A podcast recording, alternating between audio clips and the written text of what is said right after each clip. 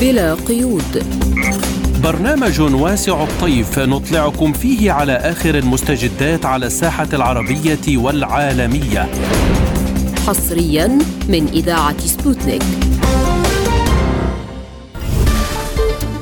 مرحبا بكم مستمعينا الكرام في كل مكان في هذه الحلقة الجديدة من برنامج بلا قيود. سنكون معكم على مدار الساعة. أنا فرح القادري. وأنا عماد الطفيلي والبداية بأبرز العناوين.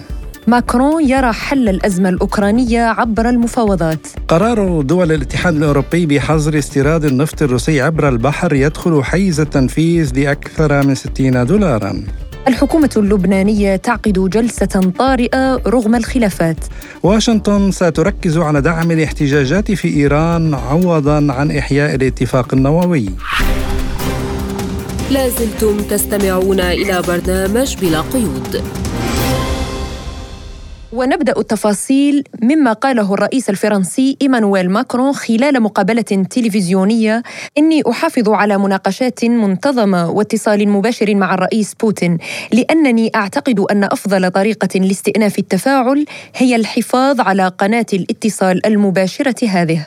وعندما سئل كيف يرى نهاية النزاع في أوكرانيا قال ماكرون السبيل الوحيد للخروج من هذا الوضع هو من خلال المفاوضات. ولا يرى خيارات عسكرية وأكد على أن الأوكرانيين يجب أن يتخذوا القرار بهذا الشأن. وردا على سؤال حول هل يجري محادثات غير رسمية مع ممثلين عن روسيا وأوكرانيا أجاب ماكرون بالنفي وقال أنا لا أشارك ابدا في العمليات غير الرسمية وأتحمل دائما المسؤولية عن أفعالي. في كل مرة تحدثت فيها مع الرئيس بوتين يتم الإعلان عن ذلك. وللحديث أكثر عن هذا الموضوع ينضم إلينا من سان بطرسبورغ الخبير في الشأن الروسي الدكتور مسلم شعيتو أهلا ومرحبا بك دكتور مسلم.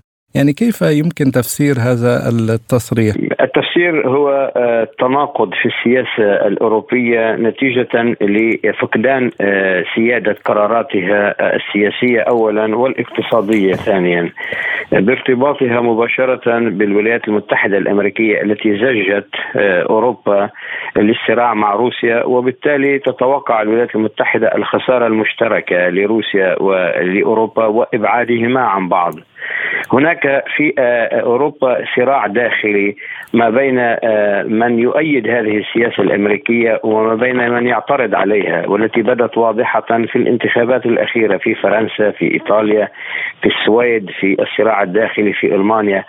والرئيس ماكرون آه، وحكومته تعبر عن هذا التناقض. أحيانا تدعو إلى حوار مع روسيا خوفا من تطور الأمور باتجاه ينعكس أكثر سلبا على أوروبا.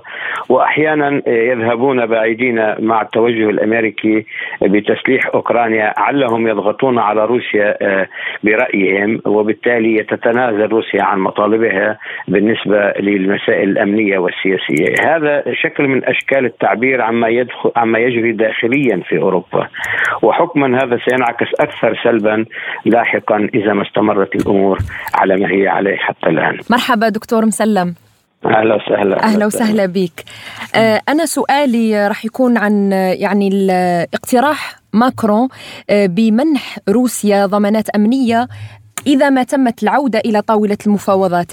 برأيك يعني هل ستقبل روسيا آه، إجراء مفاوضات في ظل هذا التصعيد الذي تشهده جمهوريتي يعني دونيتسك لوغانسك؟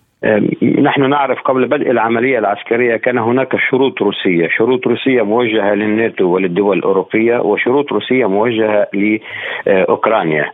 إذا ما التزمت أوروبا كما يقول ماكرون بأن الضمانات الأمنية أي هي آه، تحاكي الشروط الروسية. إذا ما التزمت أوروبا بهذه الشروط أعتقد يمكن أن يتم الحوار آه، وتختصر العملية العسكرية. لكن روسيا تضع شرطا أن تتوازى آه، تنفيذ الشروط الروسية في أوروبا مع الشروط الروسية في أوكرانيا. أي أن لا تكون أوكرانيا عضو في حلف الناتو أن لا تمتلك أسلحة دمار شامل أن نعم. تفكك المختبرات البيولوجية والكيميائية أن آه، تلغى آه، المنظمات المتشددة أو النازية التي آه، ظهرت وبدعم من أوروبا بالإضافة إلى الشروط التي وضعتها روسيا أمام الحلف الناتو بسحب كل شبكاته الجديدة من الصواريخ المضادة في بولونيا ورومانيا والعودة إلى ما قبل 1997 هذه الضمانات الأمنية الروسية إذا كان يتحدث عنها ماكرون أعتقد قد تكون هناك إمكانية للقاءات ولكن إذا كان يتحدث بشكل عام مجرد كسب الوقت كما يسعى البعض في أوروبا وفي الولايات المتحدة في هذا الفصل فأعتقد روسيا لن توافق. بالنسبة أيضا لدي سؤال آخر حول التصعيد العسكري الأوكراني في دانيسك وغورليفكا ليلة أمس. برأيك يعني كيف سيكون الموقف الروسي اليوم؟ كيف سيكون الرس... ردة الفعل؟ هذا ما أقصده. يعني لم يتوقف التصعيد الأوكراني آه، نتيجة للمساعدات المهمة التي تتلقاها من الناتو والدعم اللوجستي والمخابراتي الذي تقدمه أيضا آه، الأقمار الصناعية المدنية والعسكرية التابعة للولايات المتحدة الأمريكية.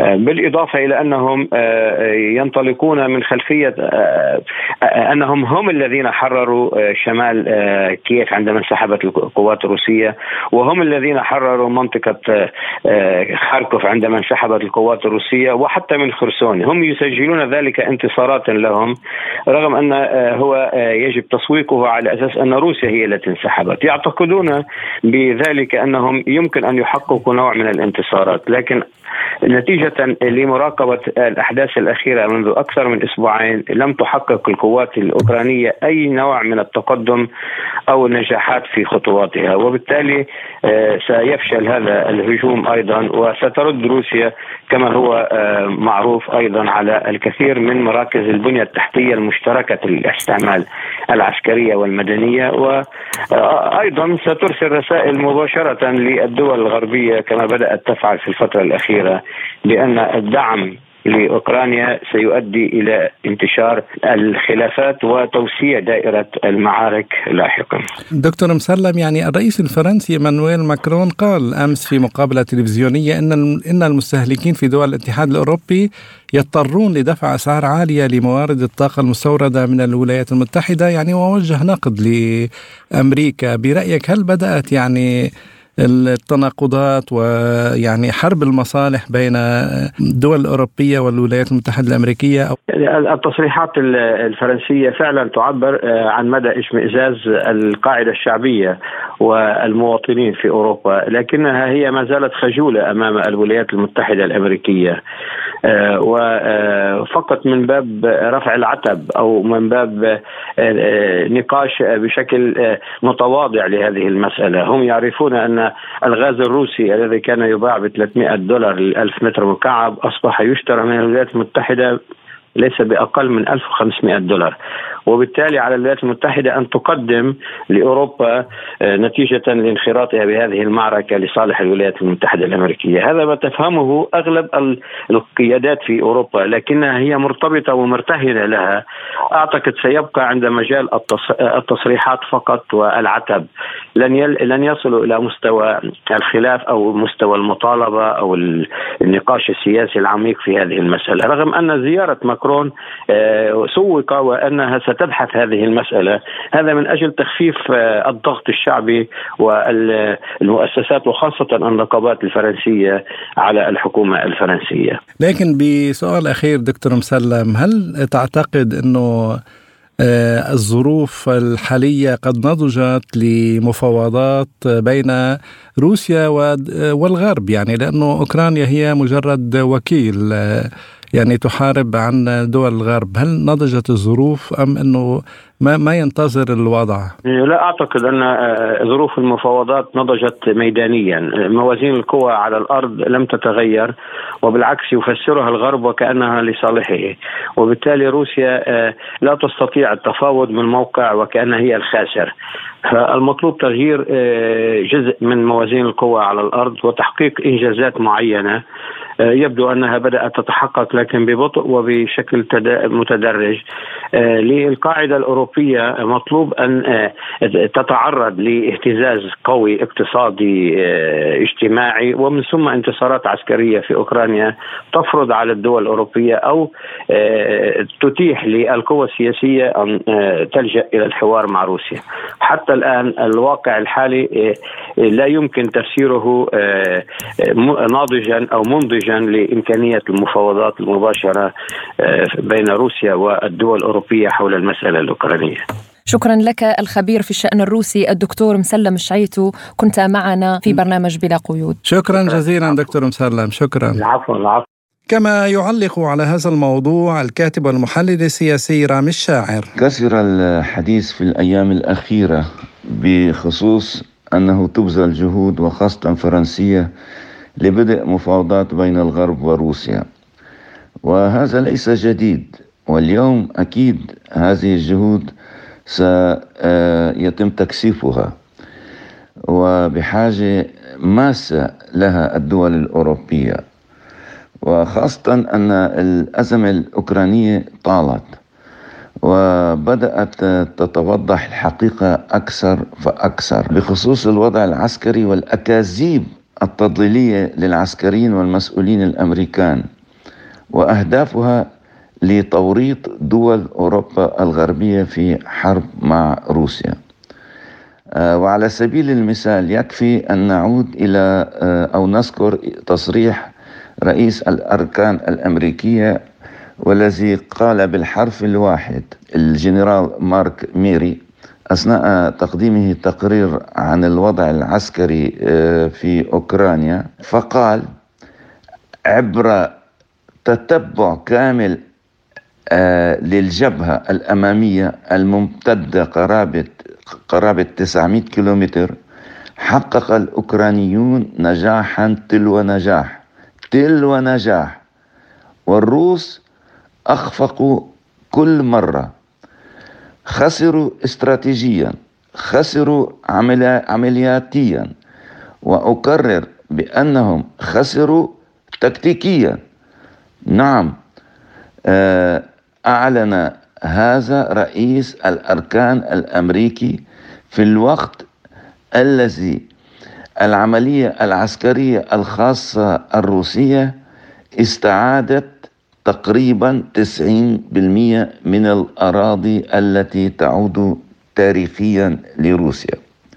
وبالفعل أصبحت الحدود الجديدة اليوم لروسيا تزيد 970 كيلومتر وتعمل روسيا اليوم على تأمينها كاملا من جميع النواحي مما مما تطلب ذلك الحاجة إلى إعلان التجنيد الجزئي واستدعاء 300 ألف من العسكريين الاحتياط.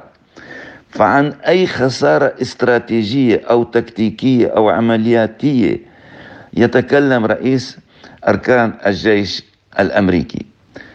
أكيد هذا الكذب انكشف بالنسبة للأوروبيين وبدأوا يشعرون أن إمكانياتهم استنزفت لتقديم المساعدات العسكرية وغيرها لأوكرانيا.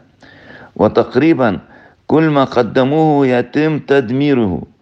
والقناعة لدى الغرب تتعزز كل يوم بل وكل ساعة أنه لا يمكن روسيا أن تهزم أو يتم الهيمنة عليها. إذا المراهنة على أنه سيتم تزويد أوروبا بالغاز الروسي من جديد فورا بعد هزيمتها هذا مجرد حلم لا يمكن أن يتحقق.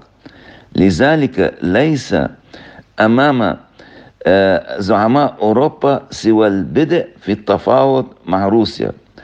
ولكن السؤال الأهم اليوم هل روسيا مستعدة للتفاوض؟ أنا أعتقد وبعد المحاو... بعد المحاولات آه، السابقة لروسيا إقناع الغرب بعدم التورط في مواجهة روسيا وأن هذه المواجهة ستنعكس عليهم سلبيا. وفعلا هذا ما حصل. اليوم أوروبا تعاني من أزمة الطاقة أزمة اللاجئين وأزمات اقتصادية واجتماعية أخرى. استمعنا إلى تعليق الكاتب والمحلل السياسي رامي الشاعر. لازلتم تستمعون إلى برنامج بلا قيود. بعد مرور قرابة العشرة أشهر على بدء العملية العسكرية الروسية الخاصة في أوكرانيا وكذلك فرض دول الاتحاد الأوروبي والدول الغربية آلاف العقوبات التاريخية على روسيا اليوم أوروبا تشدد عقوباتها من جديد على النفط الروسي وتدخل قرار حظر استيراده عبر البحر بأكثر من 60 دولارا للبرميل حيز التنفيذ فهل ستكون هذه خطوة جديدة نحو التصعيد والعداء مع روسيا؟ وكيف سيواجه العالم هذا القرار وما رد روسيا على ذلك؟ دخل قرار الدول السبع والاتحاد الأوروبي بتحديد سقف لسعر النفط الروسي حيز التنفيذ اليوم فيما أكدت موسكو أنها لن تمتثل لهذا الإجراء حتى لو أدى إلى خفض قسري في إنتاجها النفطي. وعن هذا الموضوع قال رئيس قطاع قسم الطاقة في معهد الطاقة والتمويل الروسي يوري ريكاف что все зависит от той реакции, которая будет на этот акт. كان هذا يتوقف على رد الفعل الذي سيكون على هذه الخطوة والذي لن يحدث على الفور.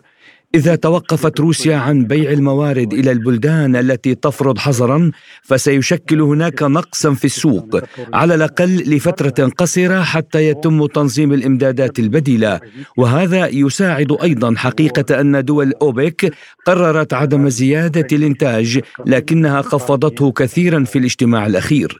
سيكون الوضع متوترا للغاية. سيذهب النفط الروسي إلى أوروبا بطريقة أو بأخرى من خلال البيع ولكن هذا يتطلب وقتا. من وجهة نظري هذا يدمر أساسيات السوق ويؤكد على أنه لا توجد قواعد لم يتضح بعد كيف سيكون رد فعل العالم على ذلك.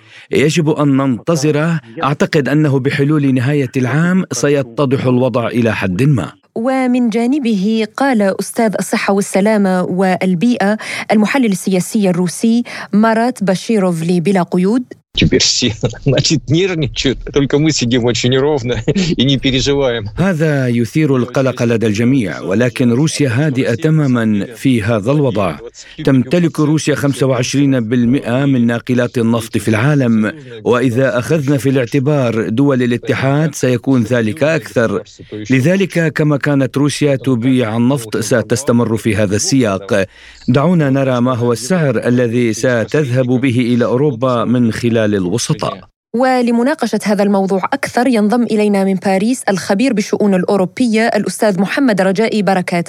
أهلا وسهلا بك أستاذ محمد وشكرا لك على تلبية الدعوة. نبدأ من هذا القرار الذي يعتبر ضمن العقوبات الغربية على روسيا يعني تحديد سقف لسعر النفط عند 60 دولار للبرميل. برأيك يعني لماذا اتخذت دول الاتحاد الأوروبي هذا القرار؟ في هذا التوقيت هل هو سياسة ضغط على الجانب الروسي؟ هو سياسة ضغط على الجانب الروسي. أرادت دول الاتحاد الأوروبي ودول مجموعة السبع أن تضغط على الجانب الروسي وتحاول أن تقلل من الأرباح التي تحصل عليها روسيا من بيع النفط خاصة. فبالتالي اتخذت هذا القرار. ولكن هناك جانب آخر لهذا القرار وهو أنه يسمح لدول الاتحاد الأوروبي ودول أخرى شراء النفط الروسي على الرغم من الحظر المفروض على روسيا. فبالتالي آه، ولكن طبعا آه، الحكومة الروسية رفضت هذا القرار نعم. وسترفض بيع النفط للدول التي تطالب آه، أن يكون سعر آه،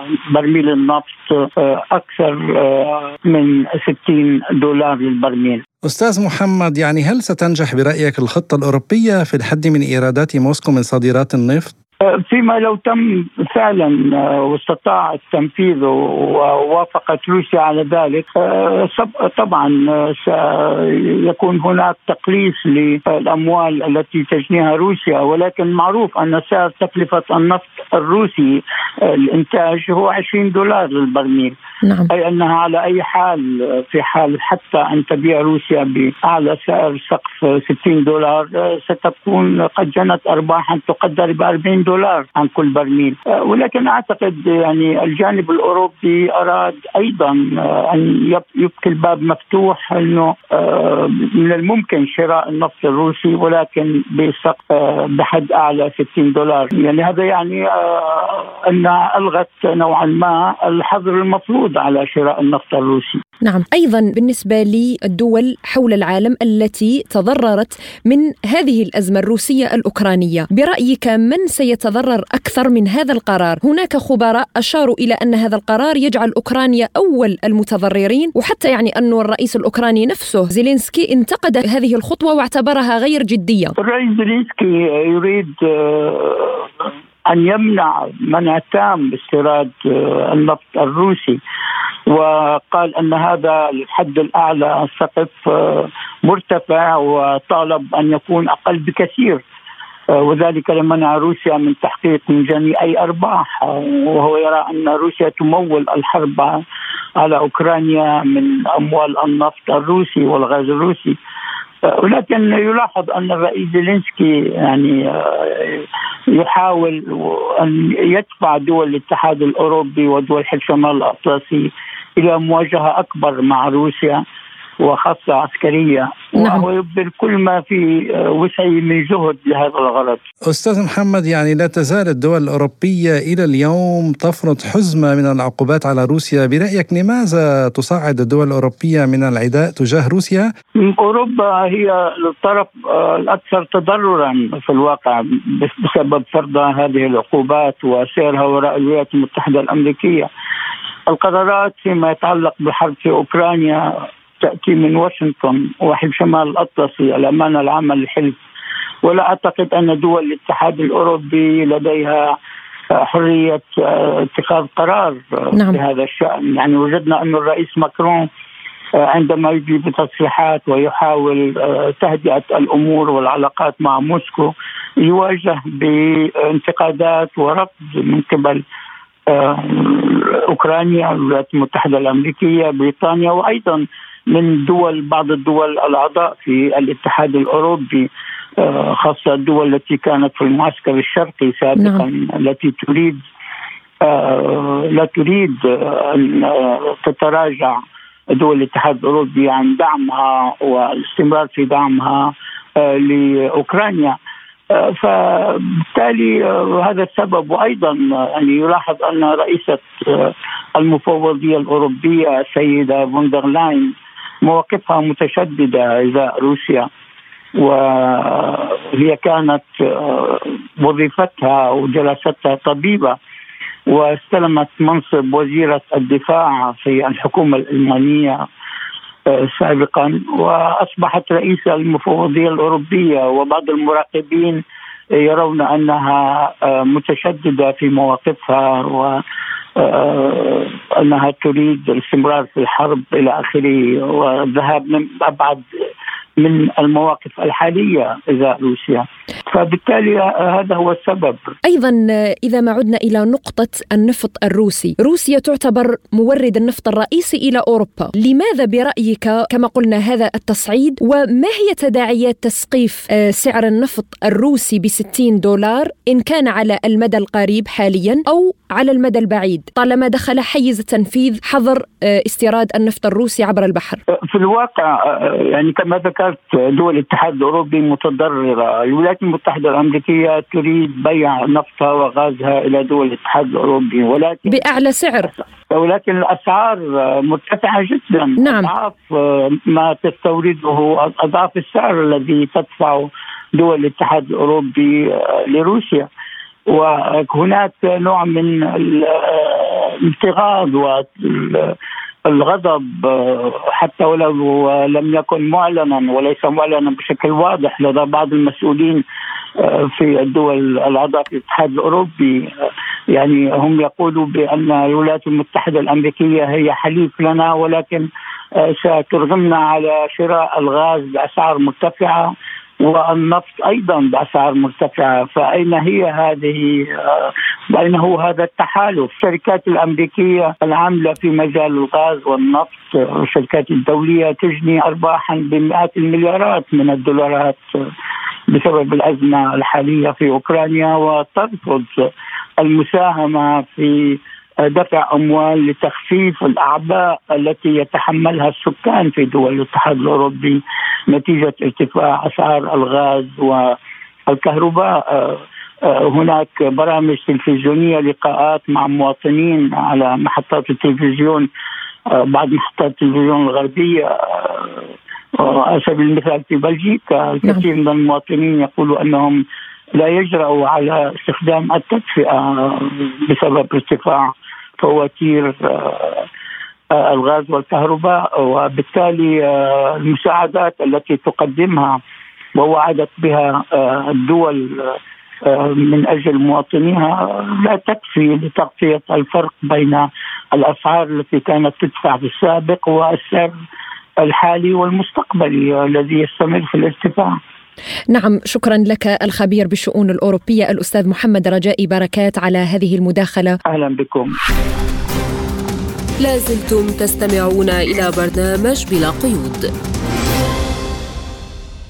وإلى لبنان حيث أشار رئيس حكومة تصريف الأعمال نجيب ميقاتي في تصريح له في بداية جلسة مجلس الوزراء إن الجلسة التي نعقدها اليوم استثنائية بكل معنى الكلمة والأكثر استثناء فيها هو الملف الطبي الذي كان شرارة عقدها وهو المتعلق بحقوق مرضى السرطان وغسيل الكلى. ولولا هذا الملف لما دعونا إلى هذه الجلسة لكن إذا كان البعض يتلطى وراء الدستور والعيش المشترك فنقول له إنهما لا يتحققان بموت الناس وبكل الأحوال لن يحصل ذلك عن يدنا. وأكد ميقاتي قائلا إننا ماضون في تحمل مسؤولياتنا مهما بلغت الصعوبات. وأكرر بالدعوة إلى تعجيل عملية انتخاب رئيس الجمهورية فيما قاله رئيس حكومة تصريف الأعمال نجيب ميقاتي. كاتب والمحلل السياسي توفيق شمان أهلا ومرحبا بك في إذاعة سبوتنيك. تحياتي إليك وإلى كل المستمعين. أهلا بحضرتك أستاذ توفيق. يعني بدأت جلسة مجلس الوزراء في السراي الحكومي بعد اكتمال النصاب ب 17 وزيرا من ضمنهم وزير الشؤون الاجتماعية هيكتور حجار. يعني كان من المتوقع أنه أن لا يكتمل النصاب وأن لا يكون هناك جلسة. يعني ما الذي جرى؟ الذي جرى بأنه بعد صدور بيان الوزراء التسعة امس أو مساء تبين بأن هذا البيان لم يعرض على الوزراء الذين وردت اسمائهم في هذا البيان. وبالتالي على ما يبدو كان هناك محاولة من قبل قيادة التيار الوطني الحر لاختبار السلوك السياسي للوزراء التسعه من ضمنهم وزير التاشناك جورج بوشكيان الذي أمن ووفر النصاب لجلسة اليوم أو لجلسة اليوم. وبالتالي فإن حضور وزير التاشناق الارمني إلى هذه الجلسة أعتقد بأنه اطاح ما كان يريده الوزير جبران باسيل باستجماع ثلث معطل يضمن له التأثير على القرار السياسي والوزاري والحكومي وبالتالي يسجل ضربة قاضية حقيقة بوجه الرئيس نجيب ميقاتي التي الذي يتنازع وإياه على صناعة القرار السياسي وبالتالي احتلال المشهد السياسي الأول في لبنان منذ خروج أو منذ ما قبل خروج الرئيس ميشيل عون من القصف الجمهوري في 31 من تشرين الأول أكتوبر الماضي. أعتقد أنه بعد هذا الذي جرى اليوم كان واضح تماما بأن التيار الوطني الحر على ما يبدو بأن حساباته كانت خاطئة. نعم. وبالتالي حتى الذين دعوا أيضا هذا ينطبق على الرئيس نجيب ميقاتي الذي كان وجه الدعوة قبل أيام يعني منذ الأسبوع الماضي لأن تعقد جلسة اليوم لم يكن أيضا مطمئنا ولم يكن أيضا على يقين بأن الجلسة الوزارية يمكن أن تعقد. الذي جرى اليوم هناك تعادل سلبي الوزير جبران باسيل حاول توجيه ضربه للرئيس نجيب ميقاتي على ما يبدو بانه هذه الضربة استطاع أن يتلقفها الرئيس نجيب ميقاتي وبالتالي فالتفاهم بين بينه وبين الوزير الألماني جورج بوشكيان بدعم واضح هذا من قوى سياسية أخرى هو الذي وفر النصاب وأعاد الضربه ذاتها إلى قيادة التيار الوطني الحر. لذلك نحن يعني بالإمكان أن أقول طالما نحن في موسم المونديال بأن هناك تعادل سلبي بين الرئيس نجيب ميقاتي وبين الوزير السابق للغامبيا طيب أستاذ توفيق يعني هناك من يقول أن جلسة مجلس الوزراء اليوم هي ضرورة ملحة ولا يجوز تسييسها، ما تعليقك؟ يعني طبعا البنود الأولى المطروحة على جلسة مجلس الوزراء متعلقه بالأدوية وبالأمن الصحي بصورة عامه وبالتالي إصدار مرسوم يعني إصدار مرسوم لإعطاء المستشفيات مستحقاتها المالية وبالتالي البحث أو إقرار يعني القرض الذي آه، يعني أخذه لبنان آه، من صندوق النقد الدولي وقيمته 35 مليون دولار أيضا القطاع الاستشفائي هذه الأمور أعتقد انه لابد منها. هنا أظن بأنه التيار أخطأ. ولكن أيضا كان هناك أخطاء أيضا من قبل الرئيس نجيب مقاتل يعني عندما كان جدول الأعمال يمتد إلى أكثر من 300 بند في المرحلة الأولى. بعد ذلك تم إنزال هذه البنود إلى 60 بندا بعد ذلك تم اختصارها إلى 25 بندا أيضا.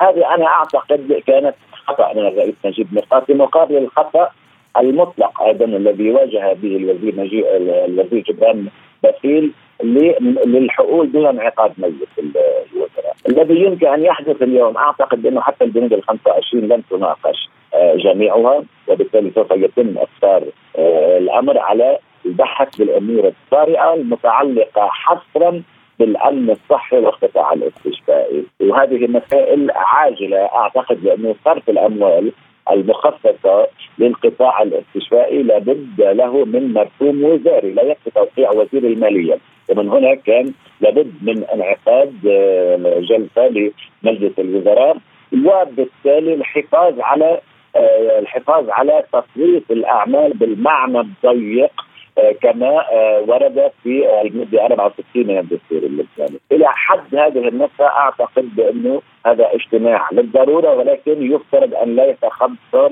بنود الأمن الصحي والحاجات الضرورية والملحة. طيب على صعيد آخر أستاذ توفيق يعني فيما يخص عملية فشل عملية انتخاب رئيس الجمهورية يعني عدة جلسات يمكن ثمان جلسات صار ويتم تطهير هذه الجلسات يعني ما الذي يمنع انتخاب رئيس جمهورية.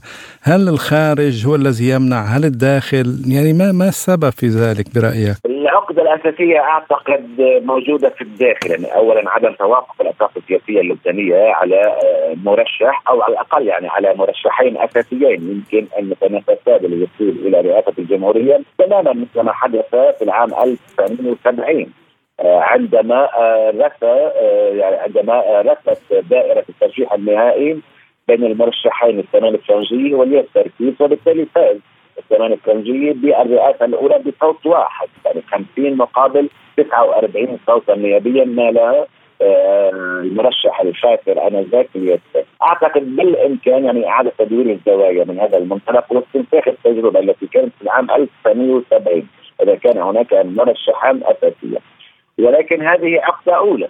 ولكن يوجد عقده ثانية أيضا عقده ثانية عند يعني ما يمكن أن نعتبره الأحزاب المسيحية في لبنان التي أيضا لم تتوافق لغاية الآن على مرشح واحد. يعني أهم مرشحين الآن آه، مطروحين للرئاسة اللي هما الوزير السابق سلام فرنجي زعيم تيار المردة يعارضه الوزير جبران باسيل وأيضا قائد الجيش يعارضه أيضا جبران باسيل في حين لا يطرح التيار الوطني الحر بديله، القوات اللبنانية أيضا تعارض وصول السمان الفرنسي، فاذا أنا أعتقد انه هذه العقدة المركبة على المستوى الداخلي أولها على المستوى الوطني العام مثل الاستقطاب السياسي والاصطفاف السياسي اللبناني الحاد. يحول دون الوصول إلى مرشح نهائي. العقدة الثانية في هذا المركب المزدوج أو المركب الثنائي له علاقة أيضا بالأحزاب المسيحيه وأظن إنه عليها يعني أيضا امن يعني كان على المستوى الوطني أو على المستوى الداخلي.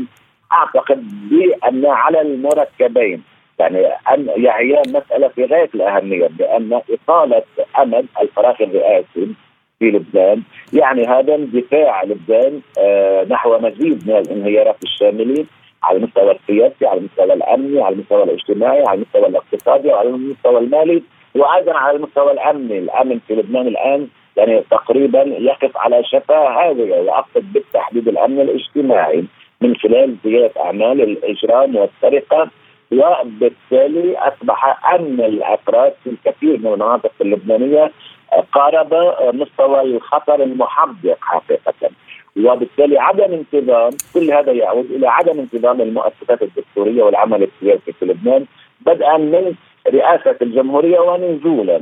طالما انه هذا التوافق على رأس النظام السياسي اللبناني غير موجود فأعتقد بأن على الأقل يعني التقدير الأولي والتقدير الأساسي بأن لبنان ذاهب إلى مزيد من الانزلاقات التي لا يمكن يعني توقع المدى الذي يمكن أن تصل إليها خصوصا مع الارتفاع المستمر لسعر الدولار الأمريكي مقابل انهيار الليرة اللبنانية، الآن في بيروت يتم الحديث عن أن سعر صرف الليرة قد يصل إلى 50 ألف عفوا بأن سعر صرف الدولار قد يصل إلى 50 ألف ليرة لبنانية في نهاية الشهر الجاري وفي نهاية السنة الحالية.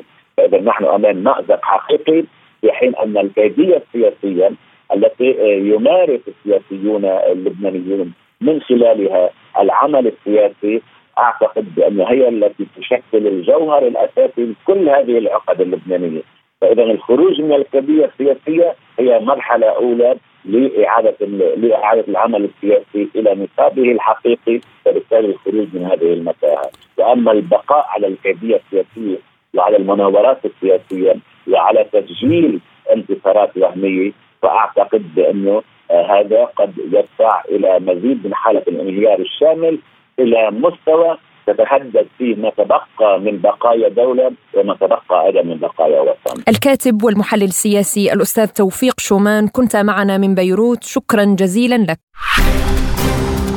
لازلتم تستمعون إلى برنامج بلا قيود. وإلى إيران حيث صرح المبعوث الأمريكي الخاص لشؤون إيران روبرت مالي أن واشنطن ستركز على دعم الاحتجاجات في إيران عوضا عن إحياء الاتفاق النووي. وقال إن إيران ليست مهتمة بالاتفاق النووي وبالتالي ركزنا على قضايا أخرى. الآن نحن في وضع يسمح لنا بقلب الوضع بمحاولة احتواء وتعطيل تزويد إيران لروسيا بالأسلحة ودعم تطلعات الشعب الإيراني مشيرا إلى أن واشنطن تشكك في الفائدة من مواصلة العمل على إحياء الاتفاق النووي الإيراني بالنظر إلى أن طهران نفسها غير مهتمة بذلك. ويقول بهذا الصدد الخبير في الشأن الإيراني والآسيوي ربيع غصن لبرنامج بلا قيود هذا الموقف الأمريكي هو ليس بجديد وهو قديم جديد آه، من زاوية أن الولايات المتحدة الأمريكية أفصحت عن حقيقة الجوهر التي كانت تعمل به مع الحلفاء الغربيين تجاه الجمهورية الإسلامية في إيران فيما يتعلق بالاتفاق النووي. وعندما علم الأمريكيون أن أي اتفاق مع إيران فيما خص الملف النووي لن يؤتي ولن يجدي نفعا في آه، تنازل إيران عن الملفات المرتبطة بهذا الملف من الناحية آه، الاستراتيجية آه، صناعة الصواريخ الدقيقة إضافة إلى مكانة إيران في منطقة الشرق الأوسط يعني حاولت الولايات المتحدة الأمريكية أن تذهب إلى مكمن آخر لضرب القوة الإيرانية. اولا ينبغي علينا قراءة هذا الأمر من الناحية الاستراتيجية عندما حاول الأوروبيون والأمريكيون فصل آه، السياسة الإيرانية عن التحالف مع روسيا ومع الصين آه، بالإضافة إلى هذا الأمر حاولت الولايات المتحدة الأمريكية إغراء إيران لأن يعني آه، تذهب بعيدا فيما خص الارتباط الاقتصادي بالغرب والانفصال عن الاقتصاديات اقتصاديات الدول الناشئة التي يعني أسست لها روسيا والصين بالإشارة إلى منظمة التعاون في شنغهاي آه، منظمة بريكس كل هذه الأمور لم تجدي نفعا. لهذا الأمر ذهب الأمريكيون لاستهداف إيران من الداخل وهذا الاستهداف هو شبيه بالاستهداف الذي كان بعد الانتخابات الرئاسية في العام 2009 عندما آه، حاول آه، بعض المعادين للثورة في إيران ركب آه، طور التغيير وما يسمى الإصلاح وعملوا على محاولين ضرب إيران من الداخل، هذه الأمور اليوم تحصل في إيران والولايات المتحدة الأمريكية من أكثر الدول الداعمة لهذه الحركات المتمردة تحت إطار الإصلاح وتحت شعار الإصلاح في إيران. ومن جهة أخرى اعتبر وزير الخارجية الأمريكي بلينكين ردا على قرار السلطات الإيرانية حل شرطة الأخلاق أن هذا الأمر متروك للشعب الإيراني ولا يتعلق بنا إذا كان النظام قد استجاب الآن بطريقة ما لتلك الاحتجاجات فقد يكون ذلك شيئا إيجابيا لكن علينا أن نرى كيف يتم ذلك من ناحية الممارسة. ويقول الخبير في الشأن الإيراني ربيع غصن تعليقا على تصريح بلينكن لبرنامجنا هذا الأمر لم يصدر عن السلطات الرسمية المخولة فيما خص آه، حل بعض المجالس أو المؤسسات الدستورية في الجمهورية الإسلامية في إيران. يعني عندما يكون هذا الكلام رسمي قد يكون آه، آه، لنا بحث حول هذا الأمر. وهل هذه المؤسسات هي مؤسسات ذات جدوى بالنسبة للنظام أم هي مديريات داخل النظام نظام الشرطة الإيراني؟ وأنا ما أعلمه أن شرطة الأخلاق هي قسم من أقسام الشرطة الموجودة في أي دولة في العالم. يعني في أمريكا هناك شرطة أخلاق في أوروبا هناك شرطة أخلاق في إيران في روسيا في كل بلدان العالم هناك شرطة أخلاق.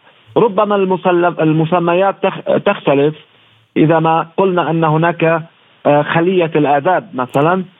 ولا أعتقد أن هذا الأمر يصبح نوع من التراجع أو من التنازل للحكومه الإيرانية أمام حركات آه، آه، الاعتراض وبالتالي اليوم النظام هو في معركة ليس مع الشعب الإيراني وليس مع حركة الاعتراض التي تسجل هنا وهناك بل هي مع المتمردين الذين يدخلون عبر الحدود من العراق ويعملون على استهداف الشعب الإيراني والمؤسسات الإيرانية من الداخل. لذا أعتقد أن الكلام الأمريكي هو نوع من الفقاعات الإعلامية التي يحاول من خلالها وصف التحركات الإرهابية التي تستهدف النظام الإيراني من الداخل وكأنها إصلاحية. استمعنا إلى ما قاله الخبير في الشأن الإيراني والآسيوي الأستاذ ربيع غصن. لازلتم تستمعون إلى برنامج بلا قيود. وفي الشأن الاقتصادي إلى تركيا صرح الرئيس التركي رجب طيب أردوغان أن بلاده تجري الأعمال التحضيرية لمشروع محور الغاز الذي اقترحه نظيره الروسي فلاديمير بوتين. وقال أردوغان في لقاء مع الشباب في مدينة سان ليوروفا جنوب شرقي البلاد لا ينتهي العمل بالغاز فقط مع تطوير الحقول في البحر الأسود والبحر الأبيض المتوسط.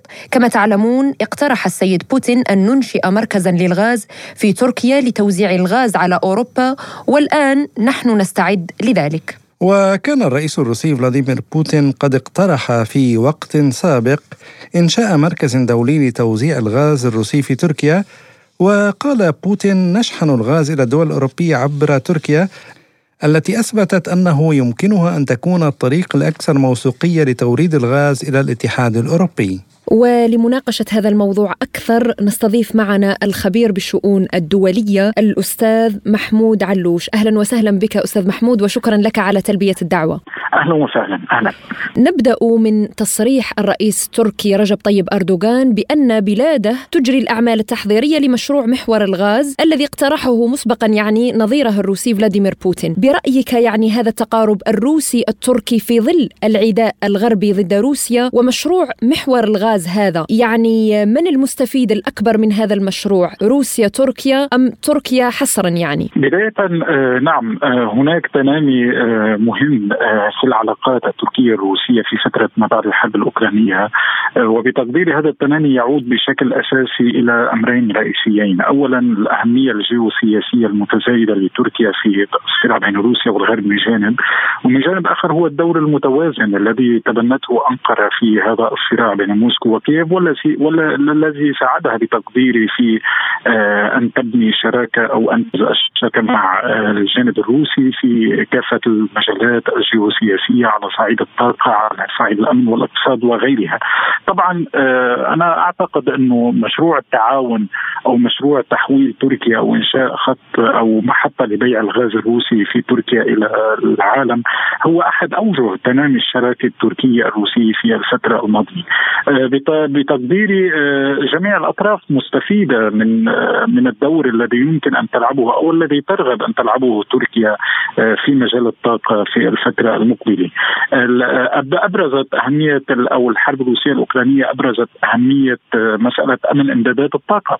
نعم وهذه مسألة مهمة جدا لا سيما في ظل الاعمال عمليات التخريب التي تعرض لها آه، أو تعرضت لها خطوط الأنابيب التي آه، تنقل الغاز الروسي إلى أوروبا عبر بحر البلطيق، أيضا آه، المخاطر الموجودة على خطوط الأنابيب الأخرى التي تنقل الغاز الروسي إلى أوروبا في على الأراضي الأوكرانية لا سيما أنه في ظل الحرب الدائرة. وبالتالي من الواضح أنه خطوط أنابيب الغاز الأساسية التي تمر عبر تركيا التي لم تتأثر بشكل كبير بإمدادات الغاز ونقص زيادة في فترة ما بعد الحرب هي الخطوط الأكثر أمان بالنسبة للجانب الروسي وأيضا بالنسبة للاتحاد الأوروبي. يعني فيما يتعلق ما يقال هل هو صدفة أم لا صدفة في السياسة؟ لماذا جاء تنفيذ هذا المشروع برأيك حاليا مع فرض حظر على استيراد النفط الروسي عبر البحر بأكثر من 60 دولار للبرميل بقرار من دول الاتحاد الأوروبي؟ نعم يعني أنا كما قلت في النقاش أنه الحرب الروسية الأوكرانية أحدثت تحولات كبيرة في نظام الطاقة العالمي ولا سيما تجارة الطاقة بين روسيا آه، وأوروبا ان على مستوى الغاز أو على مستوى النفط. آه، أنا لا أريد أن اتحدث أو لا أعتقد بأنه يمكن أن اتحدث الآن عن خطة أو عن آه، فعلا نجاح المشروع التركي الروسي. موسكو وأنقرة عرضتا هذا المشروع. طبعا حتى الآن الدول الأوروبية لم توافق عليه. الأمر سيحتاج في نهاية المطاف إلى موافقة الدول الأوروبية على هذا المشروع حتى ينجح. في نهاية المطاف هذا المشروع سيكلف تكون له تكاليف مالية باهظة. وبالتالي في حال لم تبدي الدول الأوروبية استعدادها لشراء الغاز الروسي عبر تركيا أعتقد بأنه يعني هذا الأمر سيتسبب بمشكلة لهذا المشروع. لك أستاذ محمود يعني ما أهمية آه، هذا المشروع الروسي التركي برأيك على خلفية يعني حزمة العقوبات على النفط الروسي وهذه العقوبات الغربية الكثيرة على الاقتصاد الروسي؟ أهمية الطرح الروسي بهذه المسألة وهنا أعتقد نقطة في غاية الأهمية. نعم. وهي أن آه، إعادة تشكيل نظام الطاقة بين روسيا وأوروبا هو بطبيعة الحال سيكون نتيجة لعملية سلام محتملة في المستقبل تنهي الحرب الروسية الأوكرانية. لا يمكن أن نتخيل بأي شكل من الأشكال أن تعود تجارة الطاقة بين روسيا والاتحاد الأوروبي إلى ما كانت عليه أو إلى طبيعتها من دون أن تنتهي الحرب في أوكرانيا.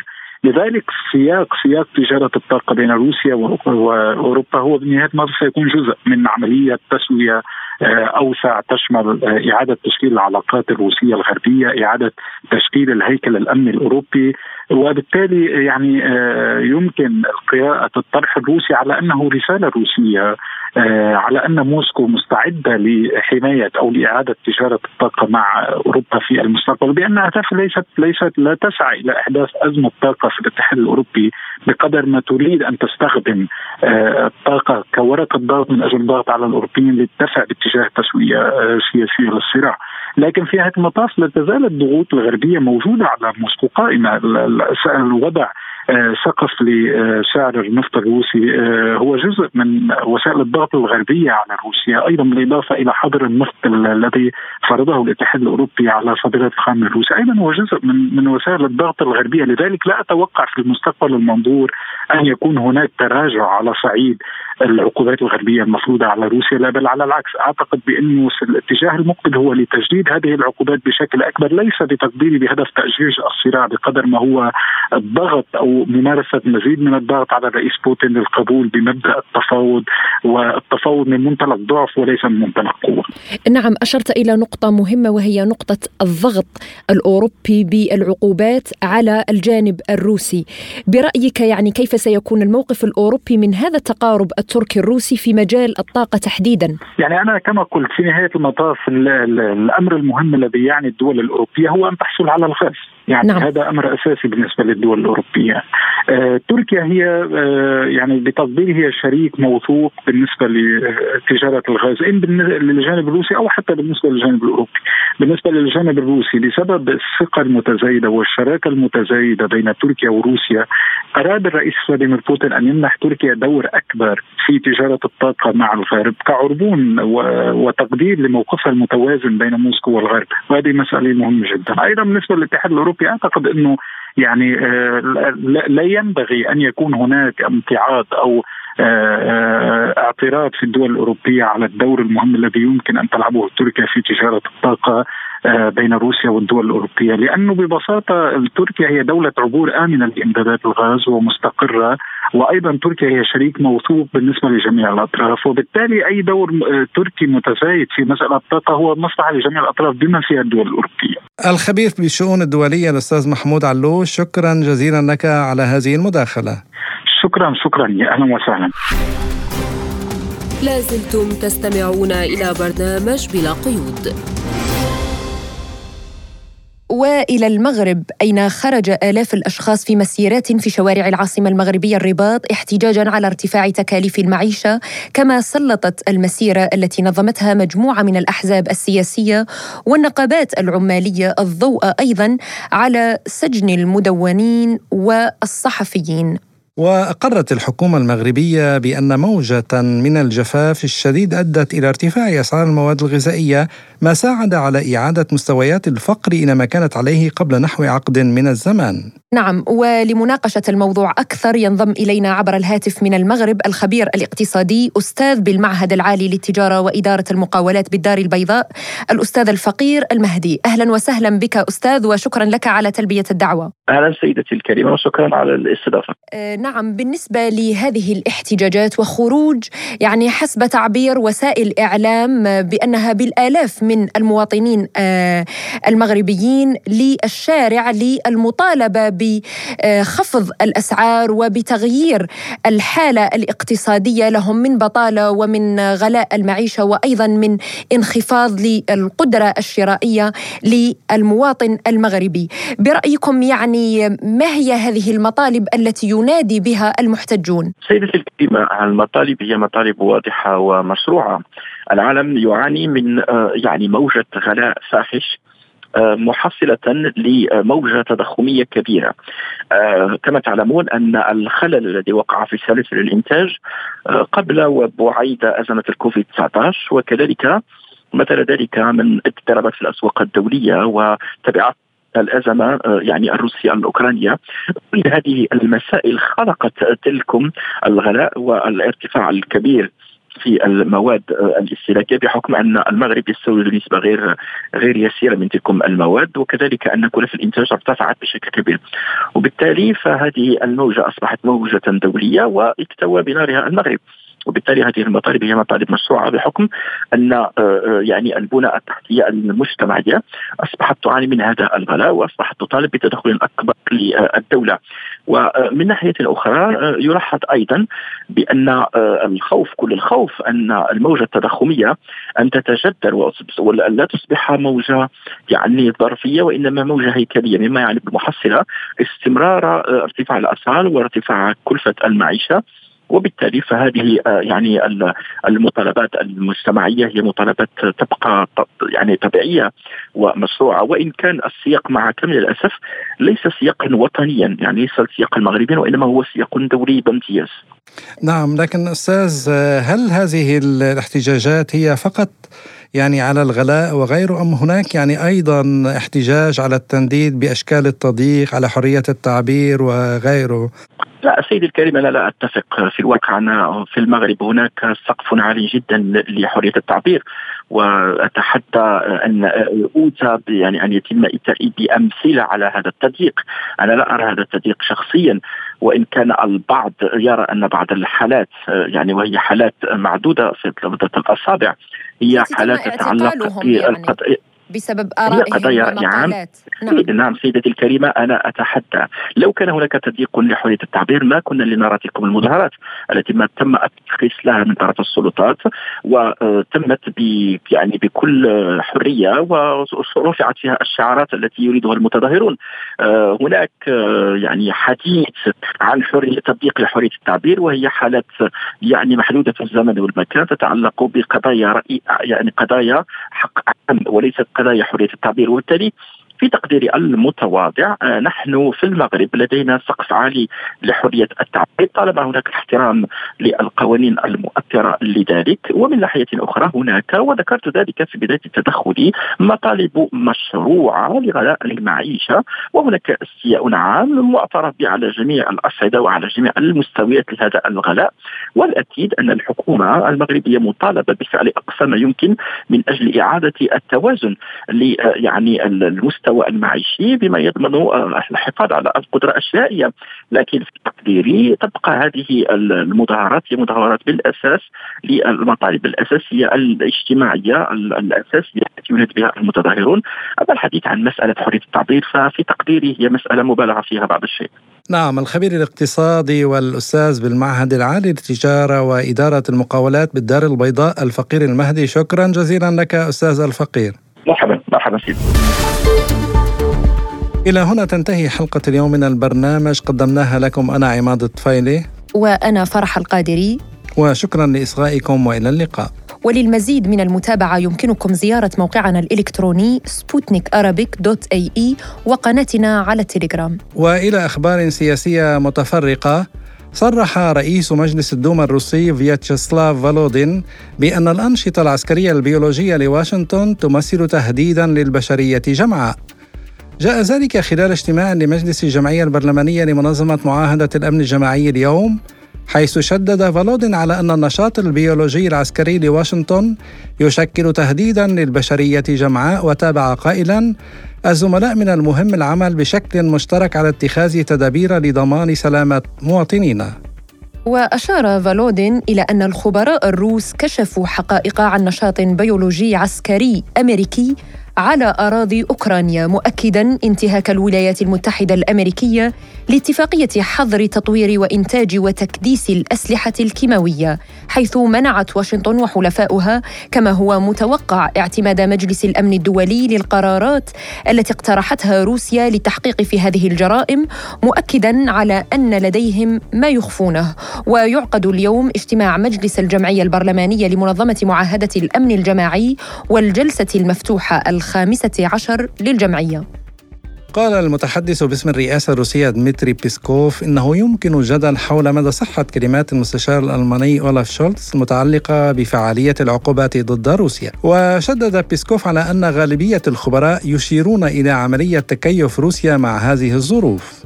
وأضاف بيسكوف بعض المشاكل بالطبع تظهر بسبب العقوبات لكنها حتى الآن لا تتسم بطبيعة حرجة. وهنا يمكن للمرء أن يجادل السيد شولز في الواقع. يرى الخبراء تماما عملية تكيف الاقتصاد الروسي مع هذه الظروف وسيكون من غير الواقعي إنكار ذلك. وفي وقت سابق قال شولتز في مقال نشرته مجلة Foreign Affairs إن فعالية العقوبات ضد روسيا في ازدياد ويجب الحفاظ عليها لفترة طويلة. وزعم شولتز أن الاتحاد الأوروبي وحلف شمال الأطلسي حاليا أقوى من أي وقت مضى وأفادت مصادر إعلامية وطبية ومحلية بمقتل الشاب عمر يوسف مناع وإصابة ستة آخرين في المواجهات. ومن جهتها قالت وكالة الأنباء الفلسطينية نقلا عن مصادر أمنية إن قوة من الجيش الإسرائيلي اقتحمت المخيم وداهمت عدة منازل وإثر ذلك اندلعت مواجهات أطلق الجنود الإسرائيليون خلالها الرصاص الحي وقنابل الغاز والصوت ما أدى إلى مقتل شاب بعد إصابته برصاصة في الصدر فيما أصيب ستة آخرون بالرصاص الحي في الأطراف وتم نقلهم إلى المستشفى لتلقي العلاج.